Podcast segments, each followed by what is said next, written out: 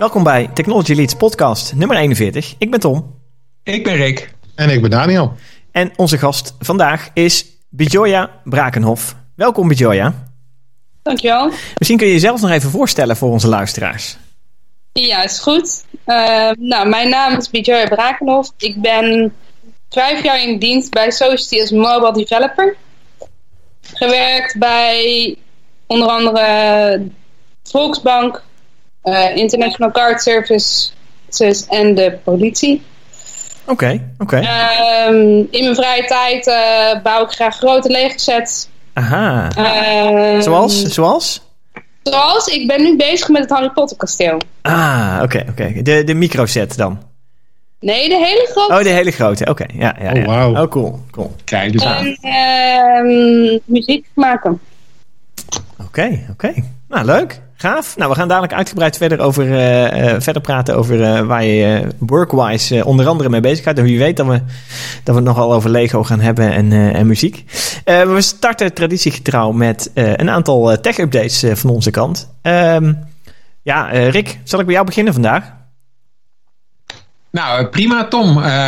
ja, dan als tech-update en ik heb me even afgevraagd, ja, kan ik dat nou wel doen? Maar ik doe het uh, toch maar. Want als update wilde ik het even hebben over een blog die ik zelf uh, gepubliceerd heb. Uh, en want ik was namelijk tijdens de kerstvakantie kwam ik op internet allemaal discussie tegen over handmatig en automatisch testen. En um, jullie kennen dat misschien wel. Hè? Er zijn van die managers die denken, ja, testen moet goedkoper. Weet je wat, we kopen een testtool, dan gaat het vanzelf. Nou, en, en uh, nou, daar komen dan discussies over van wat is het nou? En wat ik uh, nu heb opgeschreven is, joh, um, bij het automatiseren van testtaken uh, moet je allereerst kijken, wat is nou eigenlijk testen? En testen is verificatie, validatie en exploratie. En even heel kort door de bocht. Verificatie kun je behoorlijk goed automatiseren. Want dan kijk je gewoon, doet het wat er beschreven staat. Dus dat kan je wel automatiseren. Validatie wordt al wat lastiger, want dan gaat het om fit for purpose. En dan moet je dus gaan nadenken van wat moet het eigenlijk doen. Um, en exploratie is onderzoeken wat kan er nog meer mee. Dus dat kun je al helemaal niet automatiseren. Maar dan komt de tweede vraag, wat bedoelen we met automatiseren? Want heel veel mensen die denken bij automatisch testen aan automatische uitvoering van testgevallen. Maar uh, het gebruik van testtools voor allerlei andere dingen is natuurlijk ook het automatiseren van testwerk. He, dus als ik een toeltje gebruik om testdata te anonimiseren, ja. dat is, valt bij mij ook onder automatisch testen. Ja. Alleen terwijl je dat doet, wordt er geen testgeval uitgevoerd. Nee, precies. Nou, dus, dus ik heb geprobeerd met die, uh, met die blog ook een beetje deze discussie wat meer diepgang te geven, zeg maar. Dus het gaat niet alleen maar over wat is nou beter handmatig of automatisch, maar eigenlijk vind ik gewoon, ja, je, je moet altijd allebei doen en je moet er gewoon over nadenken van hoe kan ik mijn werk zo efficiënt mogelijk doen. Zeker, ja. ja. Nou, dat is wel grappig, want ik zat gelijk ik zat te denken bij je blog uh, uh, ook aan een aantal slogans die we heel veel op dit moment uh, rondom ons heen horen. Ik weet niet of je af en toe naar de radio luistert. maar dat is een hele mooie reclame die langskomt. En die begint met de geweldige zin: Denk je aan testen? En dan denk ik, nou, ik best vaak. Maar dan als ik, ja. als ik naar jou kijk, denk ik, hoe, va hoe vaak denk je aan testen, Rick? Volgens mij best vaak, toch? Nou, ja, zeker op dagen dat ik werk denk ik er uh, zeer vaak aan. En op dagen dat ik niet werk ja. ook nog. Ik wou zeggen, als hobby, je test ook als hobby. Dus. Tegenwoordig, uh, hè, ik, ik zag zo'n uh, dingetje van, bij het begin van het nieuwe jaar. Ja. Waarin iemand zei van laten we hopen dat het een jaar wordt waar corona weer een bier is.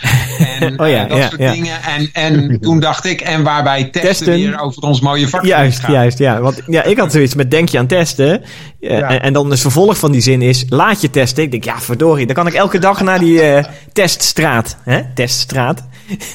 maar inderdaad, ik zat precies... Testen is wel helemaal in ons dagelijkse vocabulaire terechtgekomen. Maar ik geloof niet dat ze daar al automatisch testen. Nee, nou, nee, nee, maar dat vind ik dus ook zoiets Zo'n Ja. robotarm met zo'n wattenstaaf. Met zo'n wattenstaafje. Ja, ja, ja, ja, ja, ja, exact. Nou ja, maar ik, ik denk serieus dat je hier juist eh, eh, veel meer na kunt denken over alle andere handelingen die je allemaal kunt automatiseren. Die nu niet geautomatiseerd worden. Eh, volgens mij wordt er ontzettend veel op papier gedaan. Eh, van alle handelingen die, eh, die nodig zijn. Het vastleggen van data. Het transporteren van, eh, van de ene resultaat naar een andere locatie. Gelukkig uiteindelijk kunnen we, kun je inloggen met je DigiD en kun je je resultaat zien. En dat is dan nog, dat is dan nog digitaal. Dus dat is nog, nou ja, dat, dat weet ik eigenlijk niet of dat helemaal geautomatiseerd is. Het kan ook nog zijn dat er gewoon iemand het woordje positief of negatief intikt aan de achterkant. Hè? Dat zou kunnen. Ik hoop het niet. Een soort van wie is de mol? Wat zei je? Wat zei je? Een soort van wie is de mol aan het einde bij de test. Ja, ja. bijna wel, hè? Ja, ja, ja, ja. ja, dat, is, en, ja dat, was- dat was de andere inderdaad, de, de eindtest. Eh, ik, had, ik had voor het teststraat, denk je aan testen, en ik had de eindtesten inderdaad eh, opgeschreven. Want die zijn allemaal eh, super in het nieuws. En de eindtest is inderdaad bij Wie is de Mol. Eh, zeer aan de orde, waarbij je inderdaad, eh, als je goed opgelet hebt in eh, de, afgelopen periode, je een goede eindtest kunt doen. Nou, ook dat kun je weer prima vertalen naar de testwereld. Of je bent mol, dat kan ook, maar Ja, of je bent de mol, ja. ja, dat is waar. Dus dat is, en dat vertaalde ik dan weer naar de, ja, de bugs die je zou kunnen vinden. Of ja, als je de mol bent, dan introduceer je ze. Hè? Dus zou elke, elke, is elke developer een mol? Misschien bewust of on- onbewust? Nou, nee, ik zou eerder zeggen dat een developer als deel van zijn werk eh, dan die mol moet spelen. Want Oh, bij ja. een mutation tester ga je Ja. op expres eh, fouten invoeren. Goed punt. Ja, ja, ja. Oh, wauw. Ja, ja, ja. ja. ik vind zelf dat een tester ook een beetje de mol is. Want die gaat juist allemaal dingen proberen die je als developer vaak niet probeert. Omdat je die niet goed in beeld hebt. ja. Ja, of omdat je als developer denkt, dat doet een gebruiker nooit. Ja, Ja, of ben je juist als, als tester de ultieme mol-ontmaskeraar. Omdat je die, die ene bug juist weet te ontmaskeren, zeg maar. Die ene gekke situatie weet tevoorschijn te toveren. En juist een vreemde blik eh, eh, op het, eh, een ander perspectief pakt. Waardoor je vindt wat je zou moeten vinden. In plaats van hè, niets is wat het lijkt. Hè, is dan zo'n mooie uitspraak daar. Die kun je allemaal weer vertalen naar die mooie testwereld. Nou, wat, wat dat betreft kom je ook eh, iedere keer op de discussie van hoe, hoe ver wil je gaan in je systemen. Ja. Ik, ik las tijdens de kerstvakantie ben ik begonnen te lezen in het boek Site Reliability Engineering.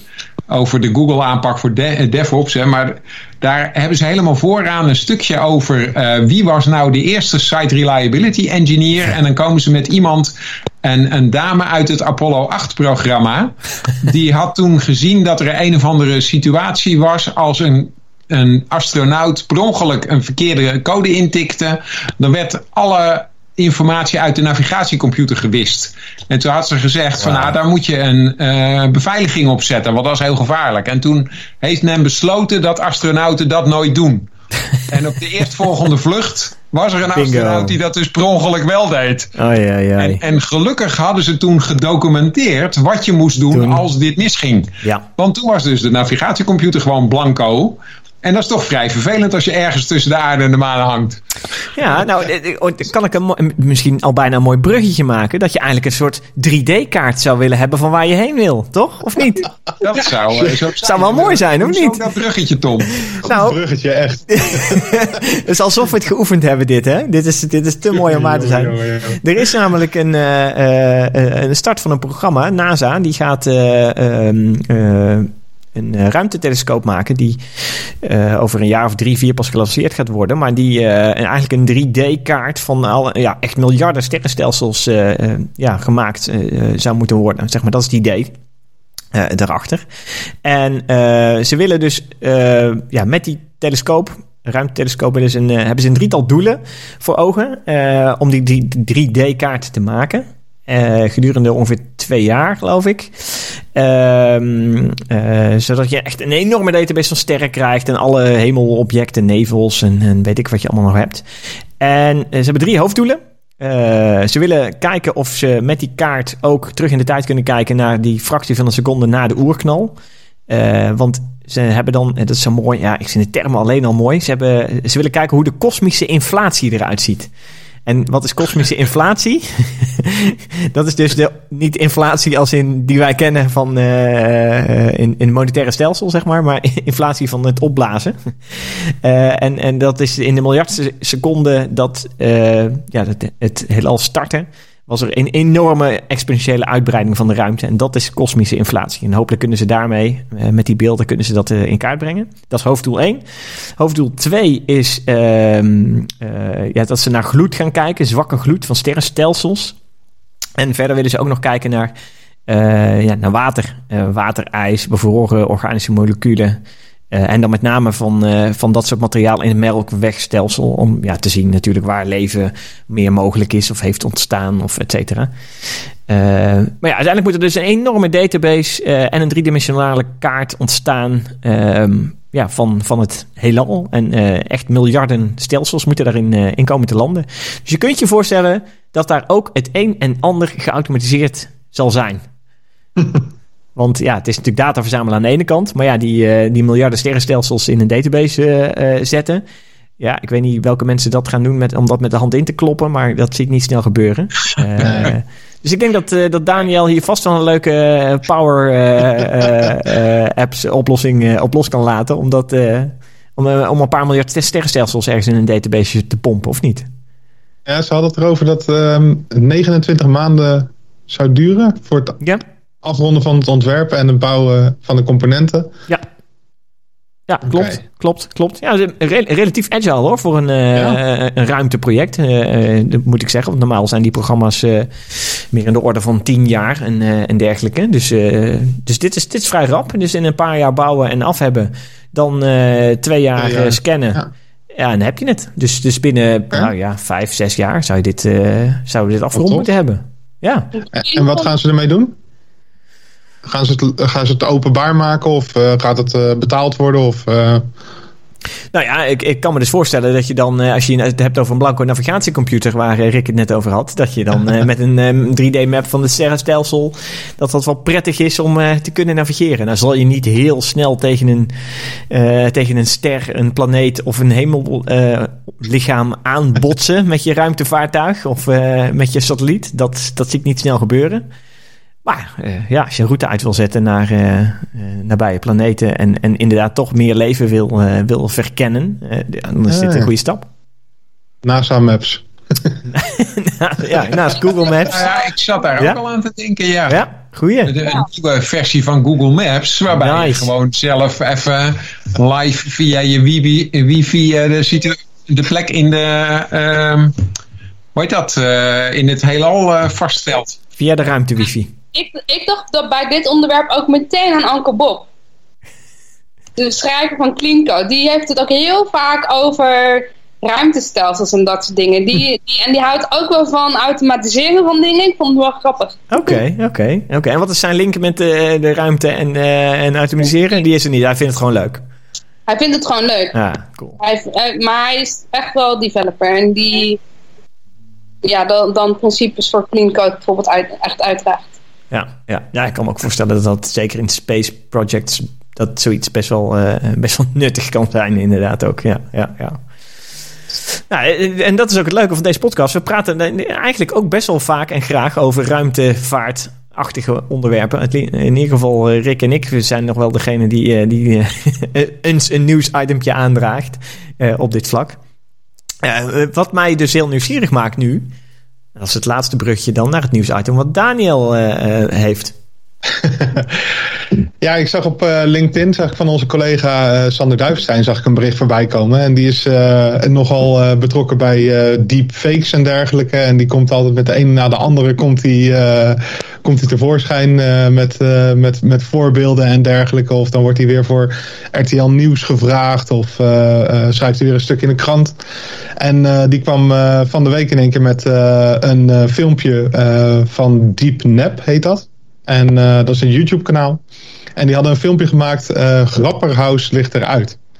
En dat is een, een filmpje waarin um, ja, Grapperhaus, het hoofd van Grapperhaus is dan op het lichaam van, van Michael van Gerben is dat, is dat geplaatst. En uh, ja, die wordt ongeveer uh, ja, een hele, heel interview wordt er, wordt er dan vervolgens uh, gedaan. En dat is dan met het, ja, het hoofd van, van Vert Grapperhaus op Michael van Gerwen. En dat was zo Um, goed gedaan, zeg maar. Je had wel nog het geluid van Michael van Gerwen. Maar het beeld was gewoon perfect uh, Vert.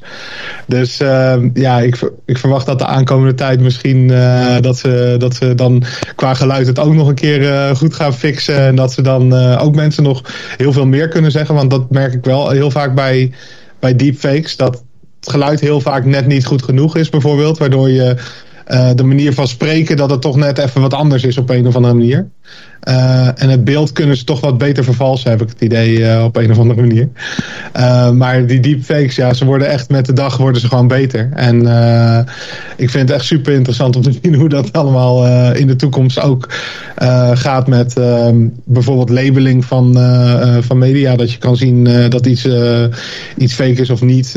gaat daar een soort van keurmerk voor komen? Of hoe gaat dat precies gebeuren? Um, ja, daar ben ik wel heel erg benieuwd naar eigenlijk. Ja, dus die, die... Kun je mij vertellen hoeveel views dat filmpje heeft? Ik ben eigenlijk wel benieuwd. Hoeveel views die heeft? Ja. ja dan, moet ik even kijken. Deep nap, hè? Deep nap. Het is een mooie... Deep nap, ja. Mooie term. Ja, leuk. Die heeft 136.000 views nu. Ja. En die is uh, twee dagen geleden uitgekomen. Nou, er zijn dagen dat ik dat niet red met mijn YouTube filmpjes hoor. Nee, niet? niet. Jo. Ja, ik, ik heb pas een documentaire van iemand zitten kijken en die had het er echt over dat de eerste twee uur van je YouTube filmpje heel belangrijk zijn. Voor je views. En die had het ook over hoe vaak je moet uploaden en, en ja. als je elke dag uploadt dat dan je views ook minder goed worden. Ja, is. Ja, dat kan me ja. iets wel voorstellen inderdaad. Ja je, ja, je moet naar een soort frequentie toe. Hè? Dat, dat, dat is natuurlijk hetzelfde als met televisie. Als je weet dat elke week een nieuwe aflevering komt, ja, dan, dan zit je al op een gegeven moment helemaal vol spanning. En dan ga je zeker die volgende aflevering kijken als, eh, in vergelijking met, oké, als er elke dag toch een aflevering is, ah, als ik er één mis, hoe erg kan zijn, dan pak ik die van de dag daarna wel weer. Dus je moet een beetje spanning opbouwen. Ja. Maar je ziet toch dat het een beetje aan het veranderen is natuurlijk met die on-demand wereld. Want tegenwoordig is het allemaal on-demand natuurlijk. En uh, ja, vroeger had je echt dat mensen thuis bleven op een avond om, uh, om hun favoriete serie te kijken, zeg maar. Ik heb toch het gevoel dat het, dat zie ik ook bijvoorbeeld bij mijn vrienden en dergelijke, van ja, die, die, die blijven echt niet meer thuis voor iets. Die kijken het nee. allemaal later een keertje of zo. Uh, of ja, die hebben niet echt heel veel boek aan. Programma. Ja. Er zijn programma's, als je dan het dan niet gezien hebt... en vervolgens scroll je de volgende dag door je social media heen... dan word je heel vaak al gespoilerd. En dat is niet leuk. Dan moet je social media gewoon niet kijken. Ja, ja, is het ook niet een beetje ja. nostalgie dat we daar naar, dat we dat, dat, dat, ja, anticiperen op dat dat, dat uh, filmpje, dat die serie komt of die aflevering komt en bedoel, ik heb, ja, ik vind het ook wel, ergens soms vind ik het wel leuk als, als je kijkt naar uh, series op, uh, op Netflix of andere uh, online streaming media, dan zijn die, meestal worden die als geheel uitgebracht en gaat iedereen die binge-watchen. Mm-hmm. Sommige series doen ze dat niet bij, bewust natuurlijk. Ik, toevallig volg ik dan de serie The Mandalorian, die de, ongeveer twee keer per jaar een, een tien afleveringen komen. En dan vind ik het stiekem toch heel leuk dat er elke week een nieuwe Mandalorian aflevering komt. Uh, uh, die ik vervolgens niet op, exact op dat moment dat hij gelanceerd wordt ga kijken. Ik kijk hem dan in dat weekend of zo bijvoorbeeld. Wel op het moment dat het me uitkomt. Maar uh, ik vind het wel leuk dat, die gewoon, dat je toch die anticipatie op... oh, er komt weer een nieuwe. Fijn, ik kan van het weekend weer, weer een nieuwe gaan kijken. Dat vind ik wel lekker. Maar ja, volgens mij is dat gewoon nost nostalgisch gevoel. Want de huidige generatie zal dat gewoon bijna niet meer hebben. Nou, ik vind bijvoorbeeld heerlijk om te bingen. Ik heb onlangs de Queen's Gambit gekeken. Oké, okay, ja. Gewoon, dan wil je op een gegeven moment wil je gewoon toch wel weten hoe het verder gaat. ja, ja. En ja. dan is het wel lekker dat je niet hoeft te wachten een week. Ja, ja dan zit ik gelijk te denken waarom... Uh, ja, natuurlijk wil je weten hoe het verder gaat. Dat is, dat is natuurlijk met elke serie zo. Uh, maar ja, wat, wat, nou als je er één lange film van zou maken? Wat gebeurt er dan? Ga je hem dan op een gegeven moment zelf uitzetten? Of niet? Waarschijnlijk niet. Het is wel handig als hij opgestopt is. Hè? Dat is wel lekker. Uh, je moet op een gegeven moment... Ja. Pauzeren, want dan wordt het misschien wel heel lang. Ja, ja, ja, ja, ja exact. Ja, Dat zijn vaak gewoon zeven afleveringen van één uur of zo. ja. Mhm. Jawel, maar waarom zijn niet gewoon zeven uur gewoon eh, één blok? Waarom zijn het nog opsplitsen? Want mensen gaan op een gegeven moment zelf wel pauzeren wanneer ze willen. Ja, maar het is wel leuk om er gewoon een, een logisch moment te hebben om dan te pauzeren. Ja, maar dat zijn zijn wij gewend. Ja, dat klopt. Maar ja, ja, anders dan. dan eh, ik denk dat het vooral handig is als je met meerdere mensen aan het kijken bent. Ja. Want ja. eh, de- hè, anders dan, dan wil de ene pauzeren en de ander zegt: ja, maar nu is het net spannend. En, eh, ja. Nou, ik, ik merk het al, als, want ik kijk met mijn kinderen ook films en series en zo. Een serie is makkelijk, want dan, die zijn meestal niet zo lang. Dus zeker als je s'avonds voor bedtijd nog iets wil kijken... of ja, smiddags zegt van, nou, je mag een uur tv kijken of zo... dan is een serie makkelijk, want die duurt... Nou, stel dat die een uur duurt, of dat er twee in een uur te kijken zijn... dat is heel makkelijk. Dan kun je zeggen, je mag er twee afleveringen zien. Ja. Eh, eh, maar als we naar een film kijken en op een gegeven moment is het gewoon echt bedtijd en het is, het, ja, het is wel iets wat we leuk willen kijken, dan zoek ik bewust naar een moment. Oké, nu is deze als deze scène afgelopen is, eh, eh, als, als die persoon klaar is met zijn, nou, wat hij aan het doen is, of als die achtervolging afgelopen is of wat ook, dan zetten we hem op pauze en kijken we morgen verder. Dat kun je heel goed zelf doen. ja, dat is waar. Maar ik merk gewoon, zo, als ik dan iets zit te kijken en mijn aflevering is afgelopen, dan denk ik, oké, na deze aflevering stop ik echt met kijken. En dan denk ik, ja, maar nee, het is veel te spannend. Ik ga gewoon ook nog even de volgende kijken. Ja, ja, ja. ja maar is dat fijn of is dat, is dat ja, hoe, hoe moet je dat, ja. Ja, achteraf, eh, op, op dat moment denk ik, oh, dit is wel echt heerlijk. Even lekker binge ja. Achteraf denk je wel, wel ja, misschien had ik toch nog even wat anders moeten doen Ja, ja, vandaag. ja, ja, ja, ja, precies. Oh, ja. Met name als je de volgende morgen nog heel slaperig bent. ja, misschien is Ik dat vind het wel grappig hoe, eh, hoe die dingen ook veranderen. Want als je kijkt naar eh, bijvoorbeeld met het COVID, eh, de pandemie, zeg maar. Dan zie je dus dat in het begin dat COVID er net was, zeg maar. Toen had ik met vrienden had ik een, ehm, een plug- plugin geïnstalleerd op mijn, eh, op mijn eh, browser.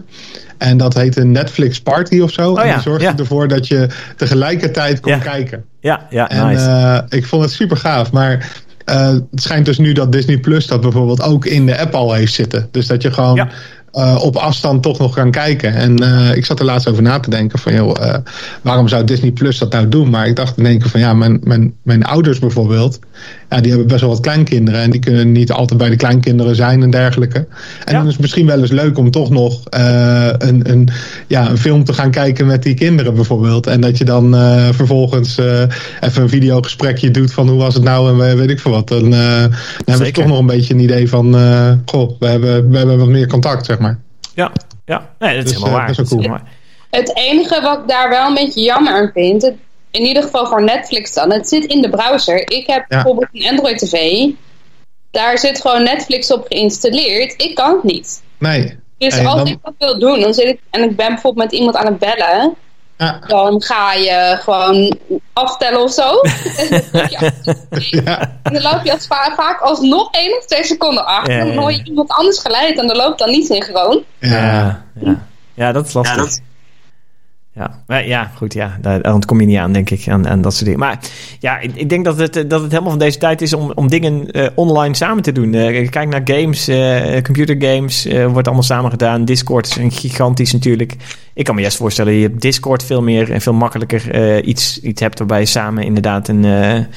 eh, Netflix-serie kijkt, waarbij het inderdaad het, het lastigste is hoe, hoe start je in sync. Dat, ik denk dat Ja. dat de grootste uitdaging is eh, van het geheel. Want met games is het natuurlijk makkelijk, zeker als je samen speelt in een game. Ja, dat is al gesynct. Dus dat is, ja. dat is gewoon nog geregeld voor je. Dus dat is makkelijk. Dan hoef je alleen je chat nog te regelen en dan ben je er. Eh, Nou, het is wel leuk. Zoals met Discord kan je wel bijvoorbeeld sommige tekstjes, als mensen niet gespoord willen worden, kan je dus blijkbaar zwart maken. Tot, en als je er dan op klikt, komt het tevoorschijn.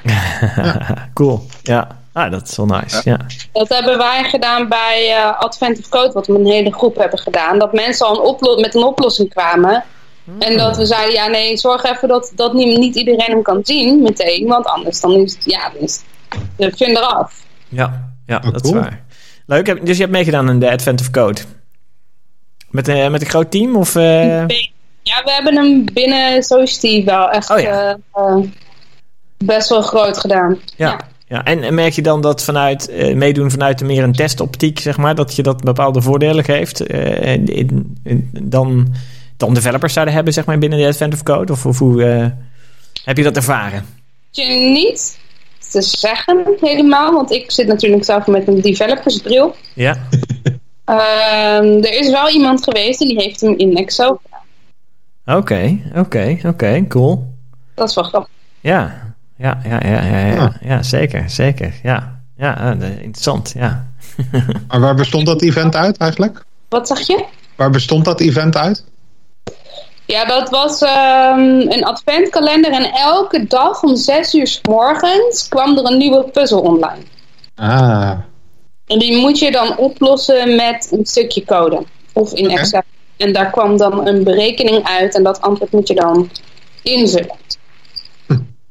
Ja, en, en was dat ook niet zo dat hoe eerder je het opgelost had, hoe beter? Dus dat mensen inderdaad hun wekker gingen zetten, zodat je om zes uur 's morgens daadwerkelijk dat ging oplossen? Ja, maar je verbaast je echt, want er zijn mensen die hebben dat in twee minuten opgelost. En dan zie je zo'n echt een hele grote lap tekst zie je. En vervolgens hebben mensen in twee minuten die oplossing. En na twee minuten heb ik soms nog niet eens die hele tekst gelezen van wat ik nou moet doen. Ja, ja. Wauw. Ja, dat is niks voor mij, zes uur 's ochtends. Ja. Nee, ik heb het ook niet gedaan. Ik was er sowieso niet zo geschikt voor, want mijn code moet altijd netjes zijn. En de kunst is dat je het snel oplevert in plaats van netjes. Ah, Ja, dat is dan weer een verkeerde challenge. Hè, dus de, die, die, eh, eh, da- daar zie je maar weer dat, dat eh, een tijdsbeperking eh, niet, eh, ja, de, eh, niet de kwaliteit in de hand werkt, zeg maar. Ja, is dat zo? Ik, ik zat me net af te vragen. Gewoon refactoren. Want heel vaak bestaat zo'n dag bestond uit twee delen. Uit een, uit een puzzel A en een puzzel B. En eh, op het moment dat je puzzel A goed hebt opgelost, moet je eigenlijk al een test schrijven. En dan heb je dus eigenlijk, weet je zeker dat je puzzel A niet stuk gaat. Maar heel vaak heb je de code van puzzel A nodig voor puzzel B. Ja, oké. En dan, dan helpt het dus om te gaan refactoren en te verbeteren. Oké, oh, wat leuk. Nou, dat, dan is het toch wel weer een goede challenge. Nou, ik zat me net gelijk af te vragen of het echt zo, eh, eh, echt zo is inderdaad dat als je nette code schrijft, of dat, of dat altijd meer tijd kost dan, eh, dan code schrijven. Om het zo maar even te zeggen. Hoeft toch niet, per se? Zeker als je in, in de long run zou ik zeggen dat het, dat het je minder tijd kost, toch? Mm, ik denk het wel. In de long run word je wel blij van nette code. Ja. Ja, want ik kan me voorstellen dat dan nieuwe oplossingen of aanpassingen veel makkelijker gaan dan eh, eh, als je gewoon maar wat code schrijft, die het ook doet. hè, eh, en, en dat nette code veel testbaarder is dan gewoon eh, ja, regular code. Ja, hoe- hoe- wat, wat is niet nette code? Hoe zeg je dat? Nou, dat is niet regular, hoop ik. Rommelige code. Ja, quick and dirty code. Ja, Dat is volgens mij hoe, hoe vaker je zeg maar een beetje het schelden op code, hoe, hoe slechter die is. Oké, oké, oké, oké. Ah ja, ja. Oké, oké, dat is wel een mooie, inderdaad, een mooie definitie. Nou, dat brengt ons, eh, eh, eh, denk ik, ondertussen wel bij, bij het onderwerp waar, waar jij je vooral mee bezighoudt. En eigenlijk al, al, al het een en ander over verteld hebt. Eh, nette code is daar één van, denk ik. Ja, wat nog meer? Of kun je daar nog meer over vertellen? Ehm, ja, wat kan ik daar nog meer vertellen? Ja, kijk, net code is zeker, ehm, ja, vind ik wel vind ik heel belangrijk. Oké. Maar dat is niet het enige wat ik heel belangrijk vind aan development.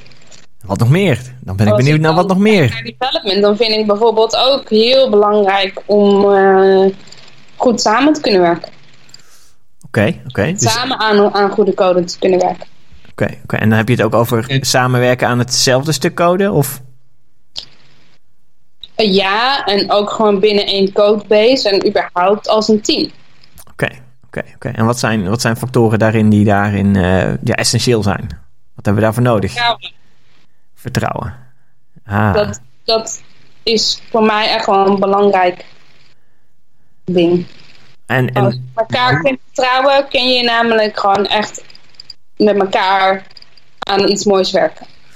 Maar waar uitzicht dan vertrouwen in? Um, op het moment dat, eh, vaak doe je een pull request. En op het moment dat er voorafgaand aan zo'n pull request of tijdens de ontwikkeling daarvan uh, keuzes zijn gemaakt en dat je niet die keuzes bijvoorbeeld in twijfel trekt. Ja, oké, oké. Ah ja, en ja, ja. Dat, je een, dat, dat de ander ook een goede keuze kan Ja, dat je, je wil zeggen, stel ik haal een stuk code op, ik doe een pull request, ik krijg code binnen, die moet ik aanpassen. Wat voor reden dan ook, krijg een aanpassingsverzoek.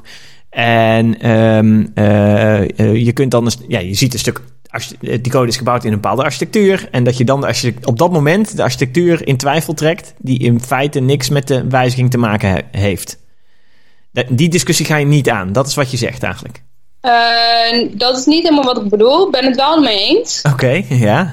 Uh, wat, wat, ik eigenlijk bedoel is juist de wijzigingen die je hebt gedaan en waar een keuze over is gemaakt om een bepaalde richting te kiezen. Mm en uh, dat daar dan niet altijd een, een discussie nog plaats hoeft te vinden. Even voor de, voor de duidelijkheid, met een pull request, als ik het goed begrijp, met een pull request bedoel je, programmeur A heeft iets aangepast, die is daar klaar mee. Die stuurt dan een pull request en dan gaat programmeur B kijken of hij het uh, in de main branch terug wil zetten. Ja. En tijdens dat kijken gaat hij dan kijken, is dit eigenlijk wel netjes gemaakt? Yes. En, dan, en dan mag hij natuurlijk kijken van, hey, dit is wel heel rommelig geprogrammeerd en dan moet hij vooral wat van zeggen. Maar hij moet niet zeggen, uh, ik zou dit helemaal anders gedaan hebben, want ik vind de achtergrondkleur niet mooi. En dan denk je, ja, dat zal wel, maar ja. dit heb ik toevallig met de gebruiker afgesproken, dus daar moet je niet over zeuren. Precies. Ja, dus je mag die discussie wel voeren over de, de kleur van de achtergrond tijdens de, het maken van de oplossing. Dat is heel goed om op dat moment te voeren. Dan ben je het met z'n allen erover eens. Nou ja, ik denk eigenlijk dat dat soort dingen vaak al vooraf besproken ja. moeten zijn in een refinement of zo. Ja, precies. Ja, precies. precies. Ja. Eigenlijk. En, en als het een beetje mee zit, dan hebben programmeur A en B allebei bij die refinement gezeten. Dus dan krijg je de hele discussie ook niet. Ja. Nee. En dat is, dat is dan een manier. Nou, dat, dat is tegelijkertijd mooi. Van oké, hoe implementeer je dan vertrouwen? Hoe zorg je ervoor dat je dat laat groeien? Nou, zet allebei die mensen inderdaad. Zorg dat ze allebei bij zo'n refinement aanwezig zijn. En dat de gebruiker ook aanwezig is. Zodat je ja, allemaal uh, um, deel hebt genomen aan, uh, uh, aan de vorming van de richting.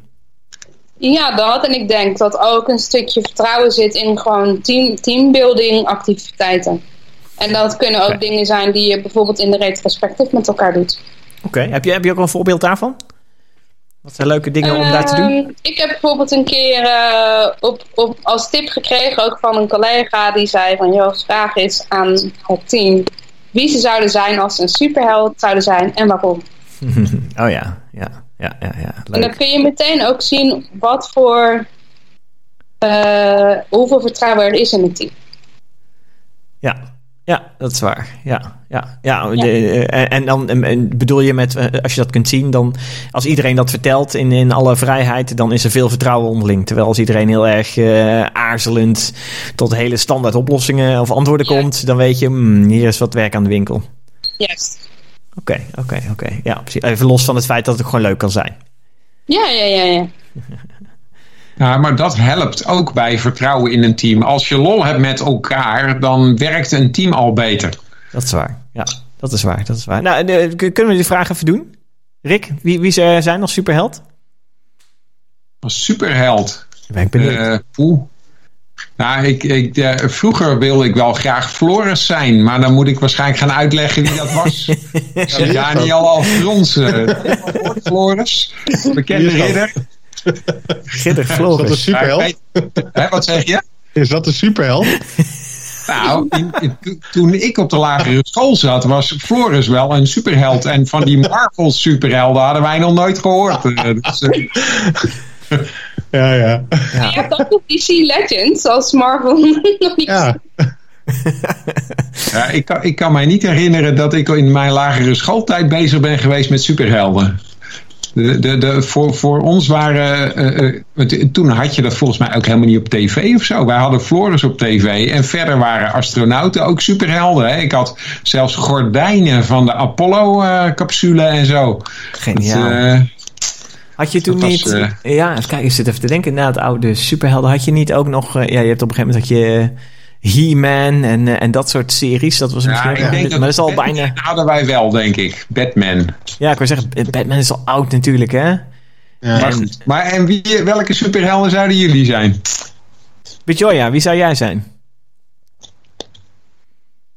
Dit is, dit is eerlijk gezegd de tweede keer dat ik erover nadenk. En ik vind hem nog steeds best lastig.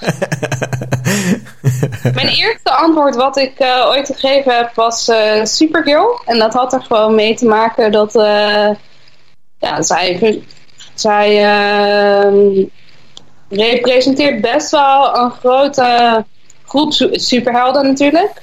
En zij is net als ik een van de weinige vrouwen die en maakt dan ook wel het verschil, zeg maar, in situaties. Dat ze echt de wereld gaat redden en zo. Ja, ja. Cool.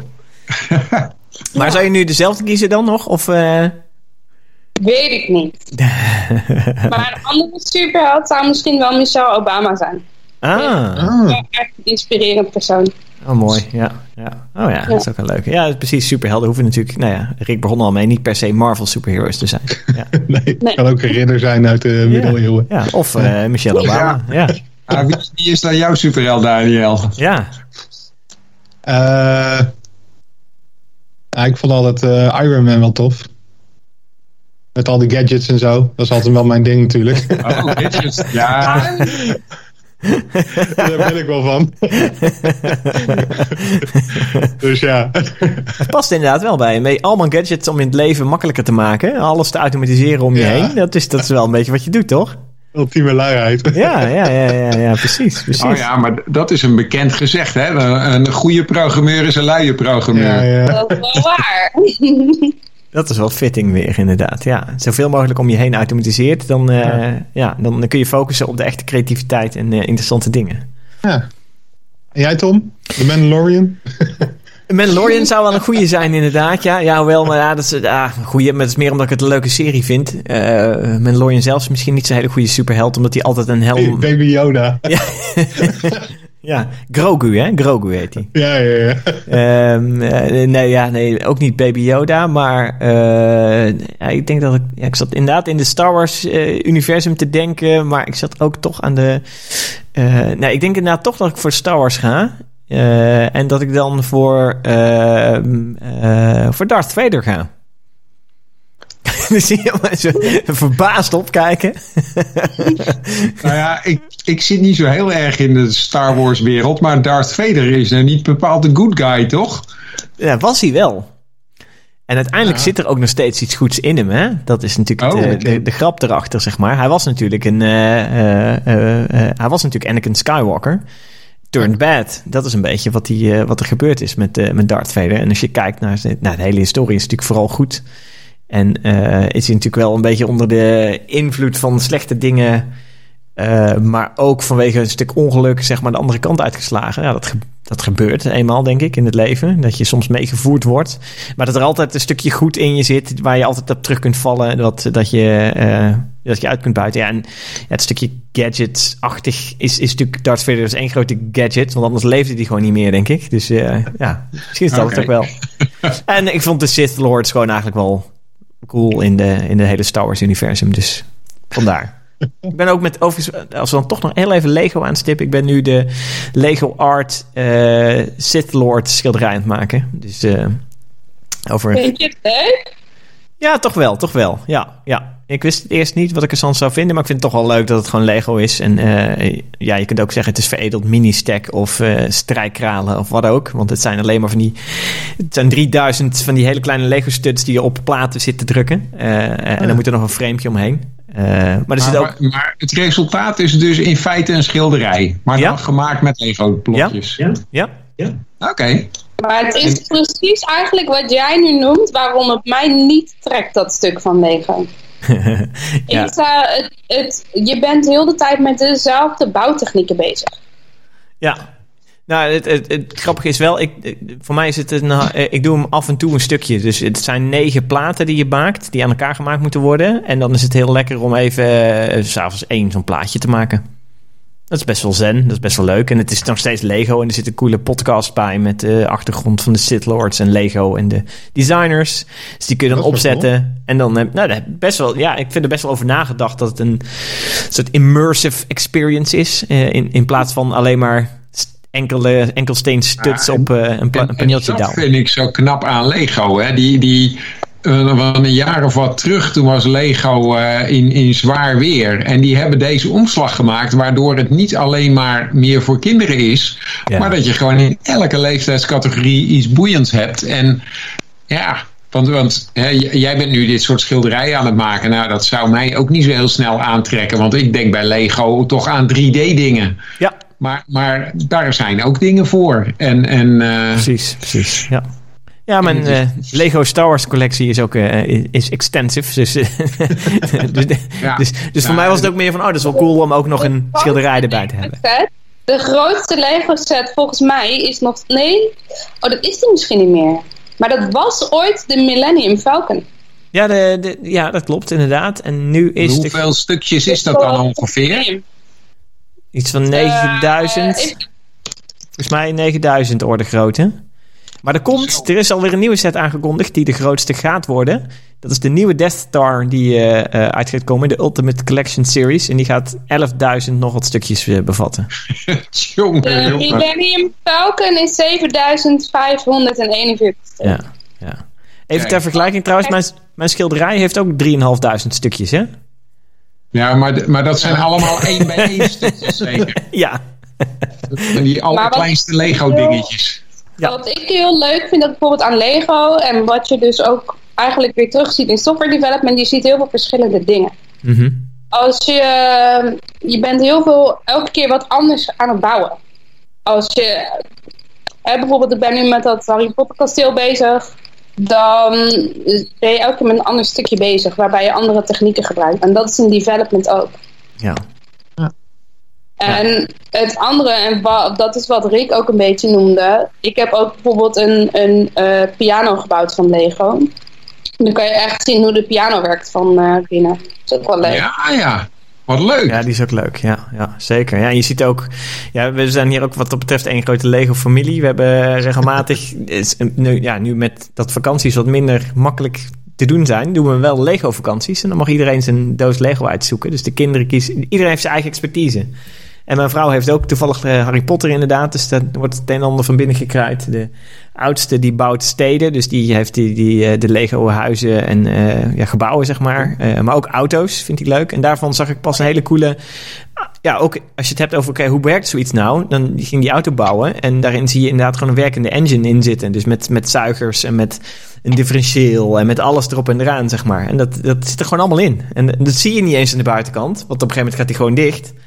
Maar het Ja. zit er wel in. En dat is echt heel gaaf. Ja, dat is echt Maar leuk. die zijn wel moeilijk om te bouwen. Ja, ja. Ja, maar dan, eh, ja, het, het is wel, eh, die uitdaging is leuk. Dat is, dat is wel gaaf. Ja. Zeker, zeker. Wa- wat zijn nog meer dingen eh, binnen, binnen development? We hebben het over clean code gehad. We hebben het over vertrouwen gehad. Wat voor, wat voor andere dingen sta jij voor, Bejoya, wat betreft development? Is er nog iets wat een goede developer of wat een developer zou moeten eh, bij zich in zijn gereedschapskist moeten hebben zitten? Oeh. Zou een developer ook een goede tester moeten zijn? Eigenlijk? Nee. nee. ik vind wel dat hij moet kunnen. Dat er een deel overlap moet zijn. Maar ik vind niet dat iedereen alles maar moet kunnen. Oké, ja, dat is wel een goed punt. Focus op je strength, op je stre- Ja. sterkte. Dat, dat vind ik wel mooi. Ik zit, ik zit er nog echt ook over na te denken. Wat vind ik nog meer heel belangrijk aan software development? Ik denk gewoon als je met... met eh, eh, ja, vertrouwen is gewoon heel belangrijk. Die vind ik gewoon echt belangrijk. Want daar ga je gewoon je basis mee neerzetten voor dat alles wat daarna nog komt voor software development. Oké, oké. Nou, dat is dan een mooie. En dan gaat het dus ook nog... Eindelijk is het vertrouwen dan ook nog development overstijgend. Want het is natuurlijk een team waarin je dat doet. Waarin je Ja. vertrouwen onderling moet hebben. En dat gaat verder dan alleen developers onderling natuurlijk. Ja. Oké, Dat is eigenlijk voor het gehele DevOps team. Ja, Ja, precies. precies. Het, het gaat echt om dat dat de geoliede machine gaat worden die, uh, ja. uh, waar groot vertrouwen naar elkaar toe uh, bestaat. Oké, okay, oké, okay, cool. Mooi. Um, als ik kijk naar de tijd, dan zie ik dat we ja, eigenlijk al een beetje richting het, het einde gaan van deze, deze podcast. dus ik denk dat we er ook mooi een eind aan gaan breien. ik wil je bedanken, Joja. Eh, voor uh, je bijdrage aan de podcast. Was leuk. We hebben, leuk, ja, uh, we hebben het over uh, allerhande onderwerpen gehad. Van Lego tot development. en zelfs hoe Lego een mooie analogie naar, naar develop, goede developers kan zijn. Dus dat is al ja, helemaal goed. wat ik ook grappig vind is, en ik weet niet, Bijoya, of jij ook zo'n ervaring hebt, maar ik kom wel eens Lego-teams bezig, die dan iedere keer dat er iets dan is, weer een stukje van een Lego-ding uh, uh, maken. Hè. Ik, ik, ken een team die hebben dan de, de Tower Bridge in Londen. En dan iedere keer dat er wat dan is, mogen ze weer een stukje bouwen. En, en, en nou ja, dan wow. langzaam zie je zo die hele brug afkomen. En als die brug klaar is, dan is het project ook klaar. Nou, dat is wel leuk. Oh, dat, dat, is wel leuk, ja. Dat, is vet. Ik heb het eerder gehoord, heb ik nog nooit geprobeerd helaas. Dat is wel een heel vet idee inderdaad, Rick. Ik, ja. ik heb wel ooit een keer een retrospectief gegeven met uh, Lego. Cool. Ik heb oh. een van de Lego sets meegenomen en toen uh, heb ik een aantal leuk. Lego opdrachten gegeven. Ja, zeg, goed dat zeg. een figuur moesten bouwen hoe, hoe ze zich voelden na deze sprint bijvoorbeeld. Oh ja, oh, leuk. Dat is leuk. Oh, dat is leuk. Ja. ja, je kunt natuurlijk ook heel veel met... Slak aankwamen, want het ging heel langzaam. oh, wat goed. Ja. En je kunt ook heel veel doen met Lego minifigures natuurlijk. Van, uh, dat je die uh, de representatie van jezelf of van uh, hoe je je voelt of wat je doet. Of, ja. Ja. ja je, kunt, ja, je kunt er een hoop leuke kanten uit inderdaad. Cool. Ja, nou, leuk. Die heb ik nog eens uh, gekregen bij een conferentie. Ja, dat kunnen de luisteraars niet zien. Maar ik hou nu twee Lego poppetjes omhoog. Ja. En, en dat, die, die, volgens mijn kinderen is dat dan precies mijn vrouw en ik. heerlijk, heerlijk. Ja. Dat ene poppetje staat dus ook in, met in zijn ene hand een fototoestel en in zijn andere hand een microfoon om mee te presenteren. Dat ben ik dan. Dat ben jij dan, ja. ja, ja. Mooi, mooi, mooi. Leuk. Nou, ik, ja. ik vind het een mooie conclusie dat we meer met Lego moeten doen in, uh, in software development of in product development, misschien wel in het algemeen. Dat lijkt me een goede conclusie van deze podcast, ja. toch? Ja. Zeker. Ja. Nou, uh, uh, dank, Bijoya. Uh, dank aan de luisteraars. en ik zou zeggen tot de volgende podcast. Ja, ja dankjewel. Tot de volgende keer.